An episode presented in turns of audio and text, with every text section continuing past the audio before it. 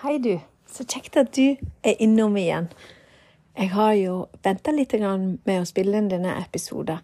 Litt fordi at livet er litt bratt akkurat nå, og jeg har trengt å passe på familien min og meg sjøl. Og det har vært eh, Det har egentlig okkupert litt av oppmerksomheten min. Og så har jeg gått knadd, meg, knadd hjernen min på hva jeg føler jeg trenger å snakke med dere om på en litt ja, på et dypere nivå, da. Jeg prøver jo så mye jeg kan å dele litt sånn lettfattelig, lettbeint info i, i sosiale medier. Og så i medlemsportalen så gir jeg litt mer Eller ikke litt. Jeg gir fryktelig mye mer info. Eh, og her på podkasten så får jeg også en variant av det, men et sololøp i forhold til å gi dere litt inside information på et dypere nivå. Og nå um, har jeg altså kommet til at jeg trenger å snakke med deg om det her med å forstå at vi er så forskjellige. Alle kvinner har sin unike overgangsalder. Og egentlig så tenker jeg at det som er felles for oss, det som, det som er felles løsningen for alle, er kunnskap. Og brei kunnskap om, litt sånn oppsummert, hva som skjer i kroppen, hvordan, hva en kan forvente av overgangsalderen, hvordan en kan hvordan andre opplever overgangsalderen, hvordan du sjøl opplever overgangsalderen. Litt for å se, ikke for å sammenlikne, men for å få noen knagger og en litt større forståelse for, for at vi er så forskjellige, men allikevel så kan det være fellestrekk. Kunnskap om hva som kan hjelpe, og kunnskap om hva andre kvinner har funnet hjelpsomt, hvis du skjønner. Så dette her skal jeg eh, plukke hjernen min og dele med deg. Så med utgangspunkt i at vi alle er så forskjellige, så må jeg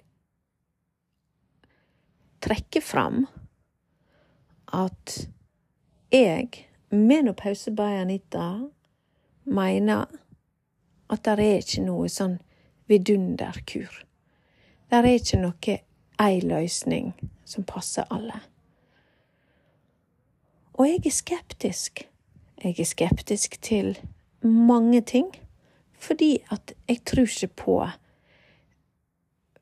den eh, En sånn mirakelkur. Og jeg tror at hvis vi skulle Hvis vi skulle være så Skulle jeg si smaløyde. Og hvis vi skulle vært så lite fleksible, så er, ville vi gjøre hverandre urett, og vi kunne ende opp med at kvinner som virkelig trenger støtte og hjelp, ikke får det, fordi at det som da skulle være det eneste riktige for alle, ikke passet dem, så ville ikke de bli hørt og ikke bli sett og ikke, ikke føle seg hjulpen. Så jeg tror på bredde. Og jeg tror at vi kvinner må ha mange tilgjengelige verktøy og mange tilgjengelige muligheter for at vi skal klare å finne det som funker for oss. Så jeg må da altså ta frem det uttrykket som jeg sier litt ofte, men jeg virkelig mener. Der er ikke one pill for the ill. Og For det første så er jo overgangsalderen ikke en sykdom. Symptomene, plagene, kan allikevel gi en opplevelse av at en trenger hjelp, og at en kanskje trenger medisinsk hjelp. Men i seg sjøl så er ikke det noe som kvinner skal gå rundt og føle at overgangsalderen er en sykdom, en lidelse, eller noe de må bli kvitt. Fordi at For det første så blir vi ikke kvitt overgangsalderen. Det er like dumt som å si at um, Nei, det er bare det er så dumt. Det fins noe å sammenligne det med. Du kan ikke hoppe over overgangsalderen, og du kan ikke på noe vis eh, bare la være. Må forholde oss til det. Jeg er litt eh, Jeg kjenner at jeg er litt eh, Ja, som sagt, det har vært en veldig hard periode nå, og jeg kjenner at jeg er litt Kan hende jeg ikke fullfører alle setningene.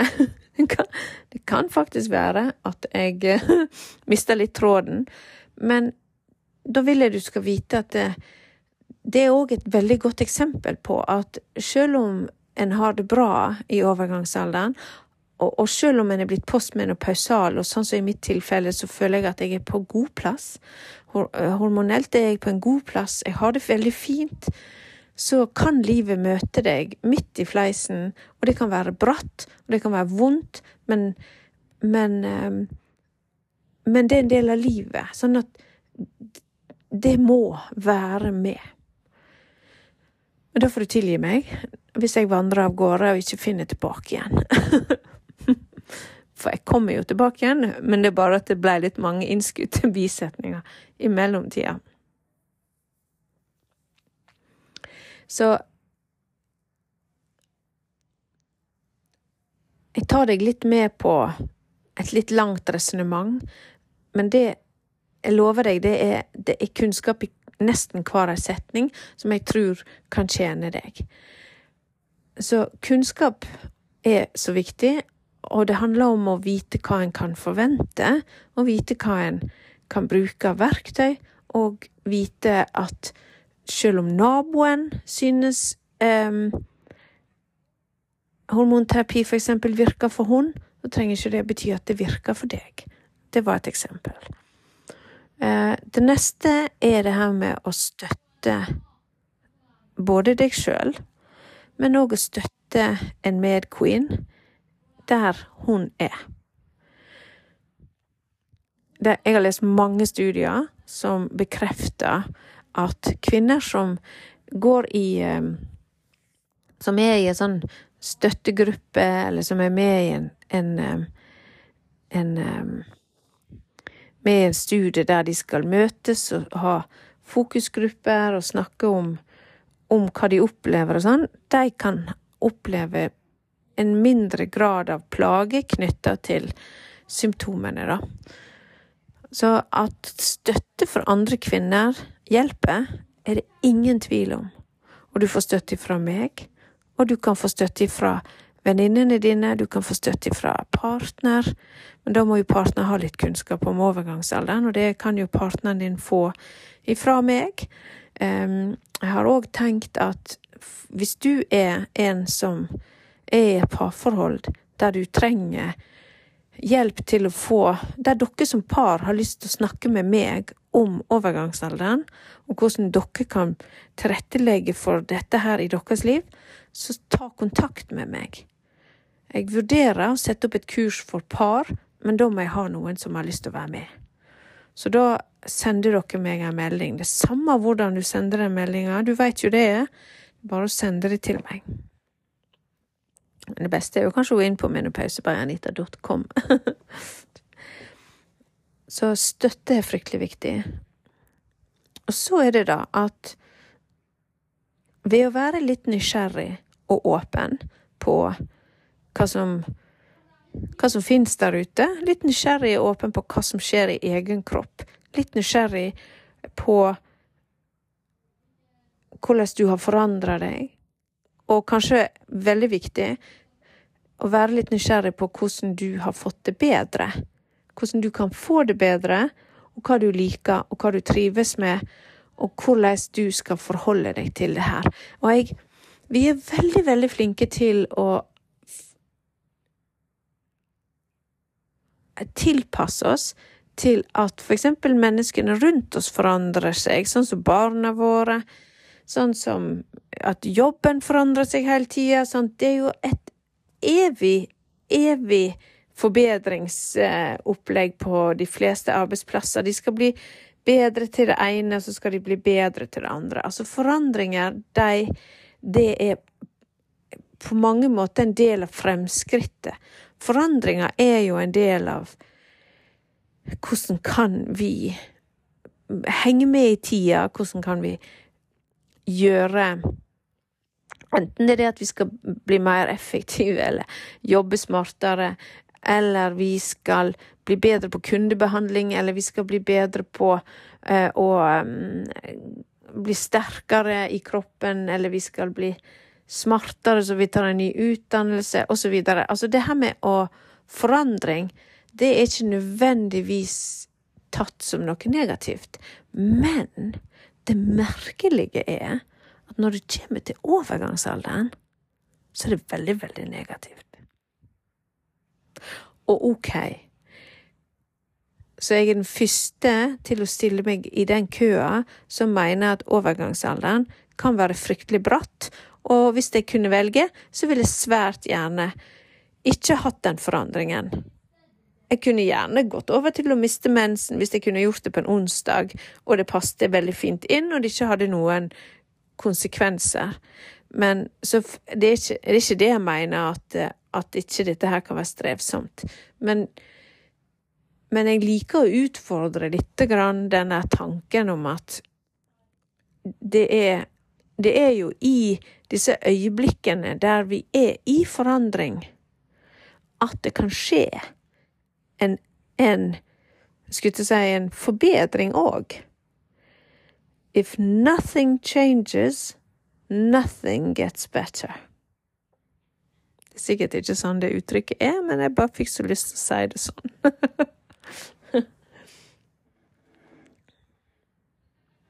Nei, det er ikke sånn han er. Han er sånn If nothing changes, nothing changes. Så den er jo veldig mye dypere enn det som jeg sa. Men der ser du, han satt ikke så langt unna.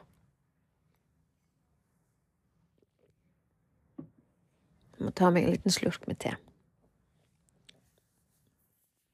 Sånn at vi har Vi har Vi lager oss et, et samfunnsmessig da, Nå snakker jeg i veldig store ord, men jeg tror vi samfunnsmessig har laga oss en historie om at overgangsalderen er en, en så grusom forferdelig forandring, og den er, det er en trist historie, sånn at det holder vi godt kjeft om, og så snakker vi ikke om det, så da blir det stillhet. Og i tillegg så er det bare å grue seg, det er bare å skamme seg, og um, dette snakker vi ikke til noen om. Det er akkurat som en familieskam. ikke alle familier som har det sånn, da. Men jeg tror at vi har ikke vært der vi er i dag, med så lite kunnskap blant kvinner og menn og leger og jordmødre og psykologer. Altså, vi hadde ikke vært der i dag hvis ikke det var fordi at dette er litt av kjerna i problemet, nemlig stillheten og skammen og og her, den her frykten for å forandre oss. I, og, og, så kan vi òg skjønne det, det er jo frykt for å gå mot døden, men det er jo et langt stykke fram. Vet du at gjennomsnittskvinner skal jo leve godt over 30 år mer enn 30 år i postmenopausa. Så det er ikke noe sånn at det, det var det livet. Nei, vi har mange gode år foran oss. Og der er forskning som Du kan jo finne forskning som viser hva som helst, da. Så ta nå det der med litt sånn At dette er litt sånn meint litt folkelig òg. Nemlig det at der er jo Der er jo forskning som, som sier det at man får det. Og særlig da tenker jeg på lykkeforskning.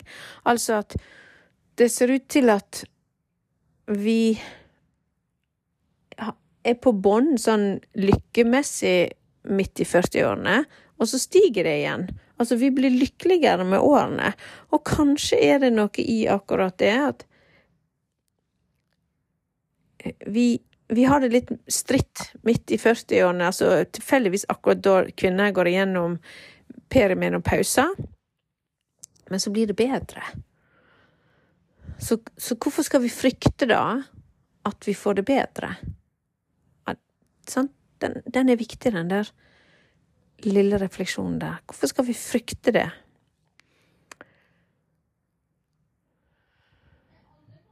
Men ok. Så nå tror jeg jeg har nevnt tre punkt, nemlig kunnskap, støtte, og det å tenke Ta frem det som er fruktbart av forandring. Så de tre tingene der. Og så Og så skal jeg pense litt inn på det her med at Med de tre tingene på plass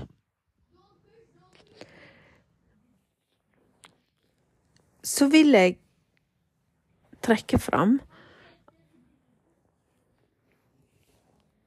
at for de fleste kvinner som plutselig begynner å catche pointet med at vi Jeg er i forandring, jeg kjenner ikke igjen meg sjøl, forstår ikke helt hva som skjer med meg. Jeg, sånn har ikke jeg vært før. Dette her må jo vel, veldig, veldig Altså, dette er skummelt på mange måter. Så, og så treffer jeg på Menopause by Anita sin, eh, sitt arbeid. Eh, alt det jeg sprer av, av små, store kunnskapsbiter. Og så kjenner de på det, den Egentlig den gode følelsen av at litt etter litt så kommer kunnskapen og trenge gjennom den vonde klumpen i magen av frykt.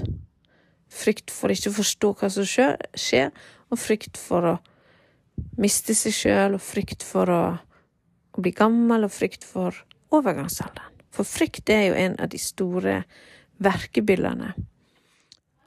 Og så, og så kan det godt være i denne søken etter kunnskap, så kommer man innom alle delene av hva som kan hjelpe, og eh, og så men så er det noe som pirrer nysgjerrigheten mer enn andre ting. Nemlig det at de fleste av oss veit at kosthold er viktig. De fleste av oss veit at vi skal trene. De fleste av oss veit at de skal um, ikke stresse. De fleste vet at de må sove godt. Alt, sant? Og gjøre gode ting for deg sjøl. så disse her tingene, det vet de fleste.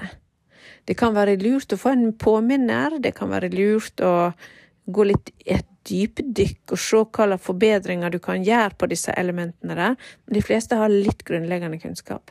Det som er det store kunnskapshullet, det er jo eventuelt det medisinske alternativet, som for eksempel hormonterapi.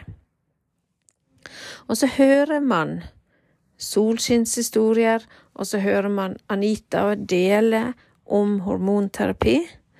Og så eh, ser man på utenlandske sendinger, og så ser man gjerne over på svenske, og så ser man altså at hormonterapi er et trygt og godt alternativ for kvinner som er plaget med overgangsalderens plager.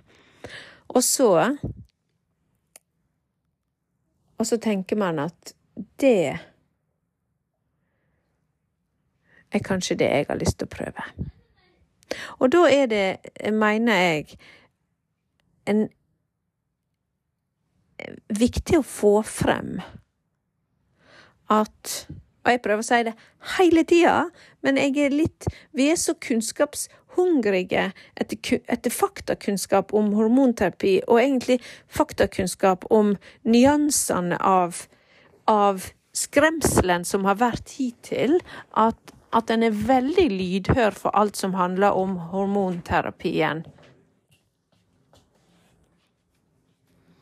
Og dermed så ender man opp med at en, en kanskje utelukkende tenker at det er, en, det er bare bra. Hvis du skjønner.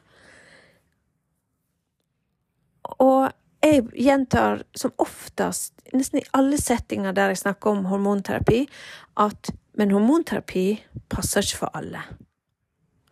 Og så tenker, det, og så tenker kanskje du Men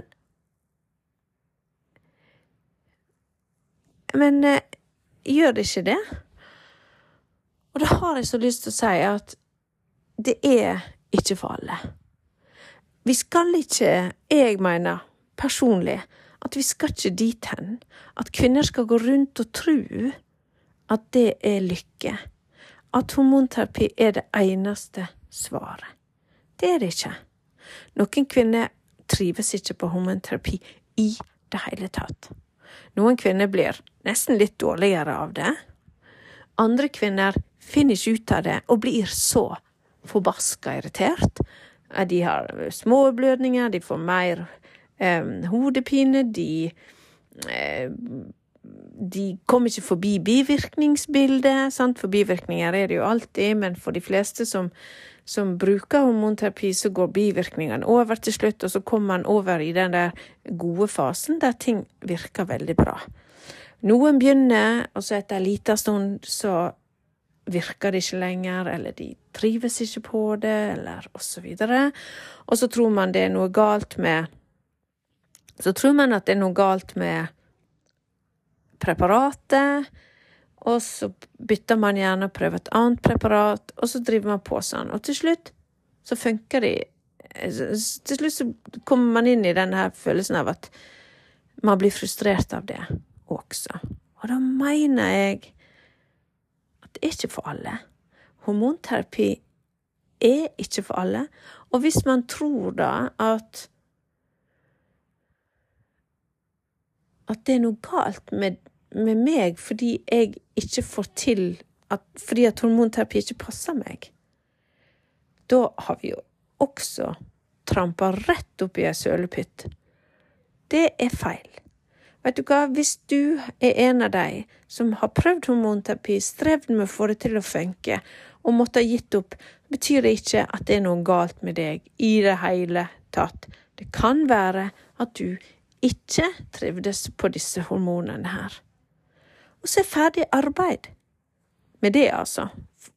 Men så, så ender man opp med at man blir skuffa. Så ender man opp med at man føler at er det ingenting jeg kan gjøre da? Er det ingen som kan hjelpe meg? Ser du den? Altså, man blir fortvila. Og så kjenner man på, på en opplevelse av kanskje mislykkethet. Fortvilelse eller sinne over å, å først ha håpa og trodd at hormonterapi var, var, var, frelse. Så var det ikke det. Og, men det som jeg syns er viktig å, å, å trekke fram, det er at det, hvis vi hadde hatt fokus på at hormonterapi er et alternativ, og for kvinner som har symptomer som går utover livskvalitet, og som er i fare for eh, å f.eks. i større fare for å utvikle beinskjørhet, eller der er andre risikofaktorer, eh, og som har lyst til å prøve hormonterapi, så er dette alternativene, og vi går for den med lavest risikoprofil. Hvis, hvis vi samtidig, som jeg bruker alltid å gjøre, hvis vi samtidig presiserer at men det er ikke for alle, så hør her, hvis du prøver, ikke trives med det, så er ikke det deg det er noe galt med. Da er det bare at ikke dette funker for deg. Da skal vi gi hverandre den eh, åpenheten om at nei, det funker ikke for alle. Og så skal du vite at det finnes masse andre alternativer. Hittil, sant, så har det jo gjerne vært nesten skam og stigma å gå på hormonterapi. Kvinner som har gått på hormonterapi, har måttet holdt munn om det, fordi det eneste de fikk i respons hos veldig mange, var Hæ, er du gal? Da får du jo brystkreft og hjerte-karsykdom. Og så har de kvinnene måttet ha tålt å bli påminnet denne risikoen gang på gang, fordi folk har en tendens til å sammenlikne og dermed forbeholde seg retten til å fortelle at de vet at du kan få brystkreft av det. Da må de fortelle deg det. Og dermed så holder man heller bare munn om at man går på hormonterapi, for man orker ikke den konfrontasjonen der, orker ikke forsvare eget valg. Nå er hormonterapi et personlig valg, ingen som har noen som helst ting med det, men jeg vil jo si at eh, det kan være med på å, å, har danna en, en, slags skam rundt det med å gå, homo, gå på hormonterapi. En annen skam knytta til hormonterapi er det at å ja, så du er en sånn med masse plager, du, da. Å ja. At man rett og slett føler seg mislykka i livet, og i overgangsalderen, og dermed måtte ty til medisiner.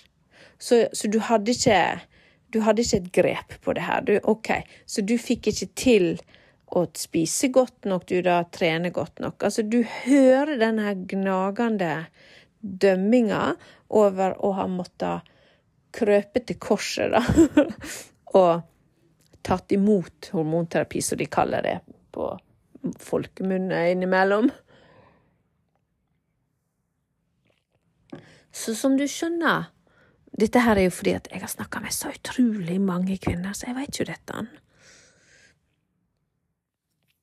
Så der ligger det en skam. Og så tenker jeg, vi trenger ikke en skam til.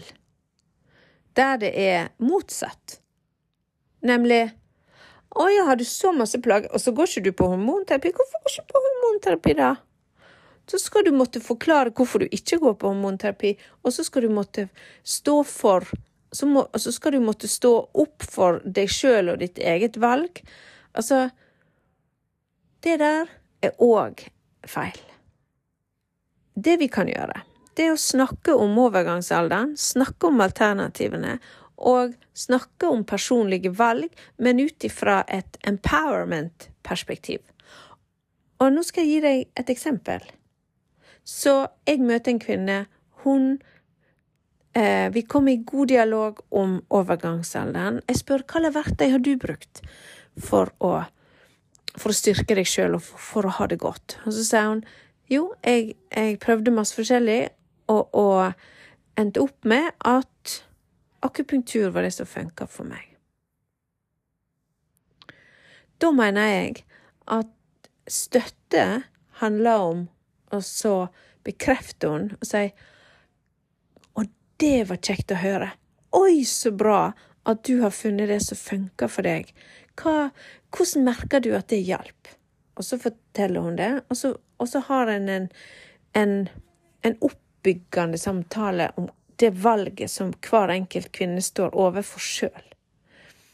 En annen samtale kunne godt være at jeg prøvde hormonterapi, det funka ikke. Jeg syns jeg, jeg, jeg Jeg hadde det bare verre. Da mener jeg at å få til en empowering samtale og støttende samtale da, ville være på Hvordan oppdaga du at dette ikke funket for deg? Jo, fordi jeg Um, syntes jeg var stressa mye mer, jeg følte meg helt gira. Jeg, jeg trivdes ikke. Likte ikke å være oppblåst fordi at uh, Og jeg gadd ikke å holde ut bivirkningsøyeblikket, og jeg var ikke sikker på om det kom til å gi seg. Jeg hadde det bare dritt. Syntes det bare var gale. Og da vil det være ja, ikke sant, men det er så viktig at at vi får frem den her at det passer ikke nødvendigvis alle. Så hva har du gjort nå, da, istedenfor? og som funker for deg. Og da kan du jo Og så, og så får man frem denne her kvinners egne historie og egen suksessfaktor. For er det én ting, så tror jeg at hvis vi kan hjelpe hverandre til å ha tru på egen kropp, tru på egne strategier, så hjelper vi hverandre. Og og legge vekk den her eh, Jeg har ikke noe fasit, nemlig. Og det er jo en av de store, viktige elementene av det her, med at eh, jeg har ikke noe fasit på hva som er riktig. Jeg har kun én fasit, og det er hva som funker for meg. Men jeg veit at kunnskap er aldri farlig. Kunnskap gir ingen bivirkninger. Nå må jeg tenke meg om, faktisk, for er det mulig at kunnskap gir en bivirkning? Spørs hva det gjelder, vet du. Nei. Så i denne sammenheng, da, nå må jeg avgrense lite grann. sånn er det å være i et, i et litt sånn forskermiljø. Da blir du liksom på den ene siden, på den andre siden. Uh, på Kanskje det passer for noen, kanskje det ikke passer for andre. Har vi noe svar? Nei, vi har vel egentlig ikke noe svar. vi har bare hypoteser og kanskje noen resultater, og kanskje noen funn på vår, vår lille undersøkelse. Men iallfall, clouet var da at Nå mistet jeg tråden, men jeg kommer snart inn igjen. Ja, så kunnskap er aldri feil, mener jeg da, i denne sammenheng. Og å støtte handler om å akseptere at vi er forskjellige, og akseptere hverandre sine valg, og ikke peke fing, og ikke, ikke dømme, og ikke ha fokus på at det funket for meg, så rart at ikke det funket for deg. Det hjelper ikke i det hele tatt. Og, og den Jeg tror at vi har store kunnskapshull når det kommer til fakta om hormonterapi, men jeg tror at når de kunnskapshullene nå, smått om senn, ved å ta frem fordeler med hormonterapi, ved å ta frem ulempene, ved å ta frem diversiteten i det, noen trives på det, noen kanskje fordra det, noen blir sånn, så kan vi faktisk eh, gi kvinner enda mer muligheter. Og så og så har vi da for eksempel eh, hva slags verktøy kan man ha? Og da, og da, vil det jo være at for, dette her er litt logisk, men det er så viktig å belyse det. Det er at det gjelder jo òg hva slags type kosthold passer deg. Sant? Der er 1000, 10 000 forskjellige eh, dietter du kan velge. Du kan velge eh, Altså, det er så mange bøker opp og ned i mente på det her med På det her med hva slags kosthold som er det riktige. Det er til å klikke av. Den ene dagen så er det det, neste dag så er det en annen, og så et nytt år, og så er det en ny suksess, og så er det et nytt eh, aha. Fordi at vi skal til enhver tid slankes, trimmes, endres, og vi skal spise sånn og danse sånn, og det er ikke måte på. Men igjen, det er jo å prøve å, å, å få alle til å tenke at én ting er riktig. Det er så feil. Det som er positivt med disse 10 000 diettene, da, um, og fokusene og bøkene og sånn, det er jo at det viser jo bare hvor forskjellige vi er. Det bekrefter jo at ikke slå deg til ro med at uh, bare fordi at 10 000 andre synes det var akkurat inn akkurat nå, så er det det riktige for deg. Det er du som veit best. Det er du som veit hva du skal gjøre. Sånn at det å finne det som det kostholdet som gjør at du blir glad, det kostholdet som gjør at du føler deg bra, som gir deg lykke, det er ditt kosthold. Det er det du skal ha. Og det er klart, vi kan ikke kjøpe 10 000 bøker, så skal vi kombinere skulle si um, Skape vårt helt superbe, unike kosthold. Det er jo ikke sånn det er meint. Men hvis vi kommer vekk fra den der sammenlikning og at, at man skal se lyset en gang årlig i en ny diett, så tror jeg hvis vi kommer vekk fra det, og så går vi på næring næring.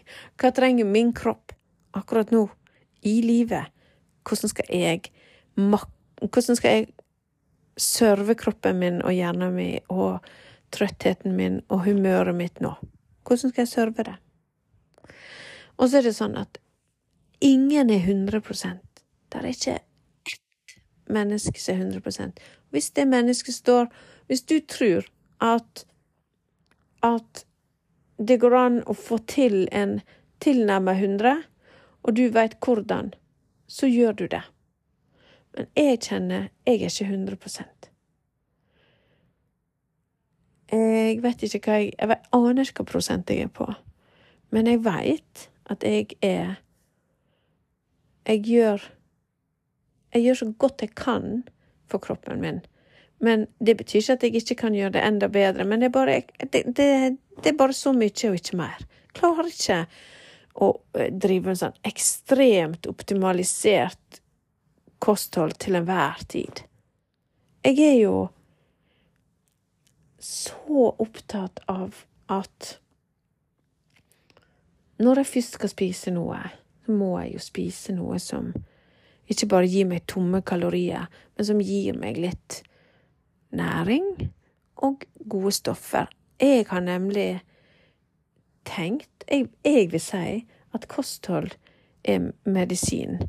Og jeg vil si at det er, det er mange Jeg har kjent på kroppen at når jeg spiser næringsrik mat, så har jeg det bedre enn de gangene jeg har falt helt igjennom og slurva og slurva med kostholdet. Og så finne sitt eget. Det, trives, det du trives med. Og, men av og til så trenger vi hjelp. Av og, trengs, av og til så trenger vi hjelp, og derfor så har, har jeg alltid med kosthold. I alle sånne her kurs jeg har, i alle foredrag jeg har. Uh, og nå begynner jo det å bli heftig mange foredrag. Jeg vet ikke hvor mange jeg har hatt, jeg. ah, det er så utrolig mange. Og har alltid med kosthold. Har alltid med Altså, i i, i disse her settingene der jeg formidler overgangsalderen, så tar jeg med kosthold òg, og en del, veldig mange andre parametere, fordi at det er en superkraft. Det betyr ikke at den skal være 100 hele tida, men det betyr at der har du noe du kan gjøre. Og da er det the devil's in the details, og da er det de små forskjellene. Som ikke trenger å bety så mye, men som kan bety mye for kroppen, som for eksempel Ta en gulrot hver dag. Et kjempeenkelt tiltak. Gjør mye for kroppen. Bytt ut lettkokte havregryn med store havregryn. Når du står i butikken der, de står rett ved siden av hverandre, velg den store. Den er ikke så fabrikkbehandla. Den den den er mer å tygge på. Du tygger mer. Det er bra for fordøyelsen din. Det er mer, det er mer Det gir tarmen mer motstand, gir bedre bedre mat til de gode Det gir mer fiber, det gir mer til de gode bakteriene, til mikrobiomet i magen din. En annen superting Um, kan for eksempel være å Hvis du klarer det, da, spis en makrell i tomatboks for dagen. En kanskje annenhver dag, da, hvis det, hvis det, blir for mye en gang til dagen. For det kan jo kanskje bli litt mye. OK, annenhver dag, da. Ser du? Istedenfor annenhver måned. Små, små grep. Noen kan få veldig sånn uh, irritabel tarm. Ja, det er jo nesten en diagnose, så jeg mente ikke det, men at man en blir litt mer følsom for tarmen. Kanskje føler en seg litt mer oppblåst tidvis, en er mer forstoppa. Og da er det viktig med det her med fiber, og det her med å tenke fermentert.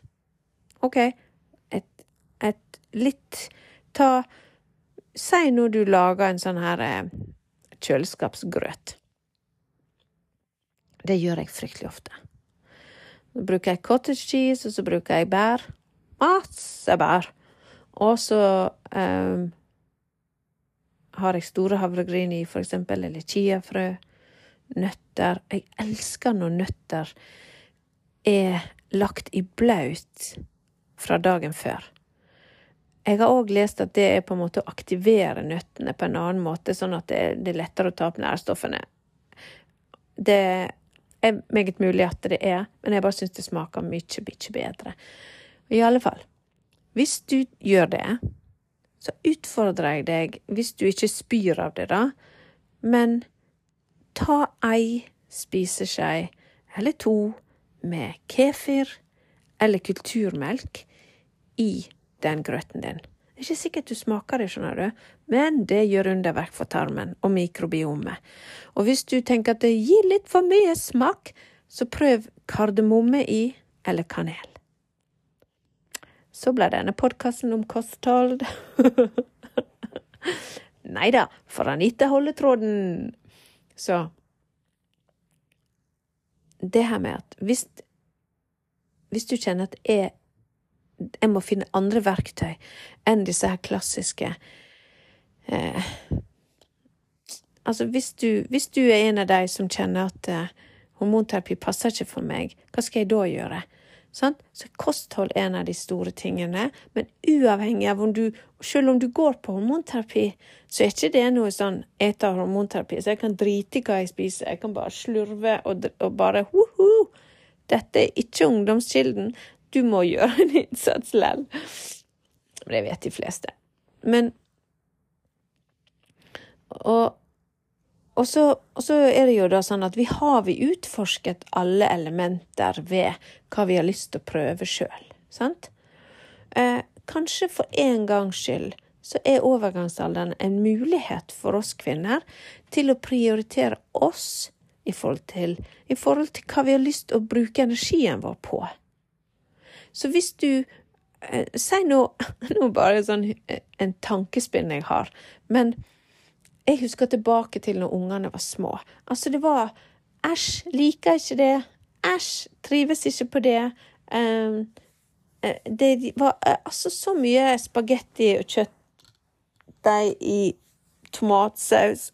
Jeg blir jo nesten litt uggen bare tenk på det nå. Det var altså så mye mat på barnas premisser. Fiskepinner! Oh my days. Ja. Og det tenker jeg hva hvis overgangsalderen For de fleste har jo da fått litt større barn. Jeg tror jeg er jo en av de som har hatt overgangsalder med bitte små barn. For jeg var Altså, min yngste var født når jeg var 40. Jeg var ferdig med overgangsalderen i forhold til perimenopause innen jeg var 47. Sant? Så jeg var en kvinne med små barn som gikk gjennom overgangsalderen. Og jeg vil si at hadde jeg bare visst. Hadde jeg bare visst. Jeg skulle så gjerne spolt ti år tilbake. Da kunne jo jeg ha gjort noe. Men det var ikke det som var poenget. Det jeg skulle si, var at um, som, Men for de fleste, sant, så har barna gjerne blitt litt større, og du har kanskje egentlig i mye større grad ikke trenger å ta hensyn til en to-treåring som skal ha sitt, uh, sin fiskepinne med potetmos. Uh, og dermed så er det jo litt sånn Du kan jo da utforske litt mer et kosthold som passer deg mer enn du tidligere kunne gjort. Sånn at overgangsalderens timing er jo sånn sett, biologisk sett, genialt, hvis vi bare hadde fått barn litt yngre, kanskje. Men det er en mulighet. Overgangsalderen er en mulighet til å utforske. Hva hvis akupunktur er noe for deg? Hva hvis fotsoneterapi er noe for deg? Massasje? Hva hvis det å springe er noe for deg? Hva hvis um, Nå kommer jeg nesten ikke på Hva hvis og det å gå bananas på en sånn helsekostbutikk og tenke at eh, ja, nå er det, nå er det mye å velge mellom. Man kan se seg litt fartsblind, men hva hvis jeg prøver en ting om gangen? Hva hvis jeg har lyst til å prøve Q10 eller Nå, bare, nå jeg ikke på krill. Jeg husker ikke Kommer ikke på noen ting som det Jo, altså Fytoøstrogener, sånn her kosttilskudd med plant, svake planteøstrogener. De fleste har ikke noen bivirkning. Hva hvis det er noe du har lyst til? Eh, men samtidig så er det litt sånn at OK, hvis Det er jo en sum penger som går ut, og vi vet jo at det kan virke inn til placebo, men ikke, ikke, så mye over placebo. Og da er det jo litt sånn Er det penger OK. Nei, så er det verdt pengene. Sånn at Men det kan det være for enkelte kvinner som for eksempel Det er ikke et alternativ med hormonterapi. Fordi de ikke trives på det. sant? Det trenger ikke være at du har hatt brystkreft, eller at du er sjuk, eller et eller annet. Du bare trives ikke med det. Du gidder ikke det. Du vil ikke det. Og da mener jeg at selv om, selv om man forskningsmessig sier det der med at det er ikke vist påvist effekt over 30% altså placeboeffekten, så mener jeg at ja, men herlighet, Hvis det virker kanskje opp mot 30% ja takk, da tar jeg de 30 bedre enn null, hvis du skjønner. Og hva er mitt poeng her? Mitt poeng er du, du har masse å velge mellom. Og det fins faktisk andre medikamenter som ikke altså hvis, hvis, du på en måte virkelig har livskvalitet rett i dass, og du vet at det ikke hjelper med, med kosttilskudd, men du trenger medisinsk hjelp, så mener jeg at vi skal fremdeles holde kunnskapen oppe på at når de fryktet hormonterapi som verst, 2000-tallet oppover, så fryktet legestanden, kvinnene, samfunnet, verden fryktet hormonterapi mer enn noe annet. Og i det så prøvde de desperat å finne andre ting som kunne hjelpe mot hetetokter, og da så de det at en mild antidepressiva kunne også hjelpe mot hetetokter for enkelte kvinner. Så kanskje det er noe. Kanskje det er noe. Og så kan du si det er jo lett å bli nedstemt når alt butter imot og sånn. Så hvis ikke du føler at det er helt utelukka å prøve det òg, så er jo det en mulighet. Og så forskes det. Kjære deg, det forskes på å finne Jeg tror det er kommet ganske langt i prosessen, skjønner du. Å finne produkter, legemidler, ikke inneholder hormoner, men som gir symptomlindring i forhold til hetetokter, og kanskje en del av de der vasomotoriske bivirkningene av å ha nattsvette og søvnvansker, humørsvingninger osv.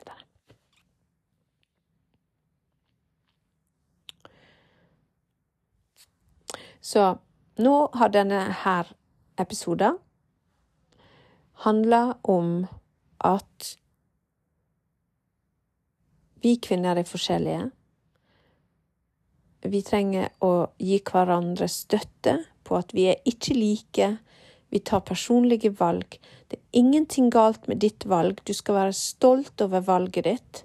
Og det er ingenting galt med deg om du trives på hormonterapi. Det er ingenting galt med deg om du ikke trives på hormonterapi. Tvert imot. Du er deg, og litt sånn you do you. Vær deg, fordi det er det eneste riktige. Så om du tar med deg noe ut av denne episoden her med meg, så er det det. Opp med haka, frem med brystet. Stå for ditt valg, og vær trygg på at kunnskap er aldri dumt, og søk det du vil ha kunnskap om. Og dermed så kan du støtte deg sjøl, du kan støtte andre, og så får du muligheten til å ha det godt i overgangsalderen. Det går fort bra. Det er ikke en undergang. Det er ikke verdens undergang. Det er rett og slett en periode der du kan få prioritere deg sjøl og ta gode valg for deg sjøl. Og trenger du hjelp fra meg, så kontakter du meg. Og føler du at du trenger å snakke gjennom det her, så er jeg her akkurat for det. Du bestiller privattime hos meg, eller du melder deg inn i medlemsportalen, eller du melder deg på et kurs som kommer i nær fremtid. Og hvis du, jeg repeterer, hvis du og partneren din ønsker å er nysgjerrig på kurs i sammen, så send meg en melding. Så lager jeg det. Er du helsepersonell, eller du jobber med kvinner 40 til 65, og trenger kunnskap fra et, fra et fagpersonnivå, så ta kontakt med meg. Jeg har mange nå som skal gå på eh, menopauseomsorg, kurset som er retta inn mot fagpersoner. Så det er litt annen vinkling enn bare privat fordeler. Men det her med å se det fra et, et, et, et fra et fagpersonnivå. OK. God helg til deg, min venn gode medqueen. Back deg sjøl opp, vær din egen helsemester, og eh, øk egenomsorgen. Ha det.